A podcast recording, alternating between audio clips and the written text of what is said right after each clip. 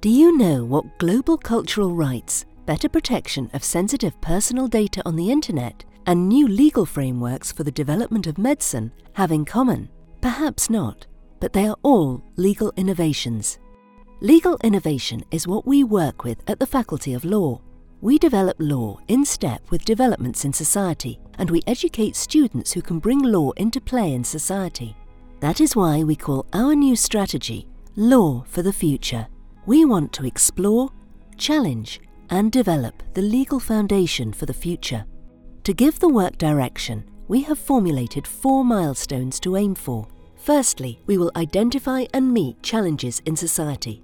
Developments within and outside Denmark raise new legal questions. They arise, for example, when our lives move online or when medical science conquers new territory. Therefore, we must ensure that our teaching is up to date we must also prioritise research and education in democracy, the rule of law, and human rights.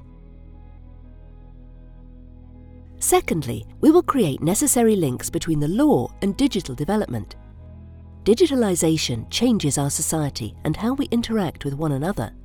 Therefore, we will conduct research into what digitalisation means for our legal rights. We will also develop new law that matches digital opportunities and challenges.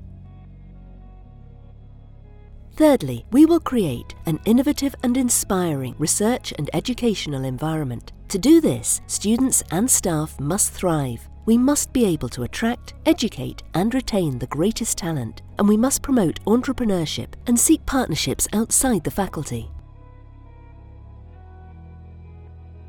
Finally, we will strengthen synergies between research and education. Innovation often arises when researchers meet students. Therefore, we will strengthen the students' access to research environments and give them the opportunity to contribute with questions and ideas that qualify research.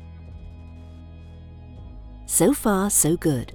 But of course, the strategy has no value in itself. Now, we need to make it happen. In all modesty, we believe that we can make a difference, for the benefit of society and for the benefit of each other. We call it Law for the Future.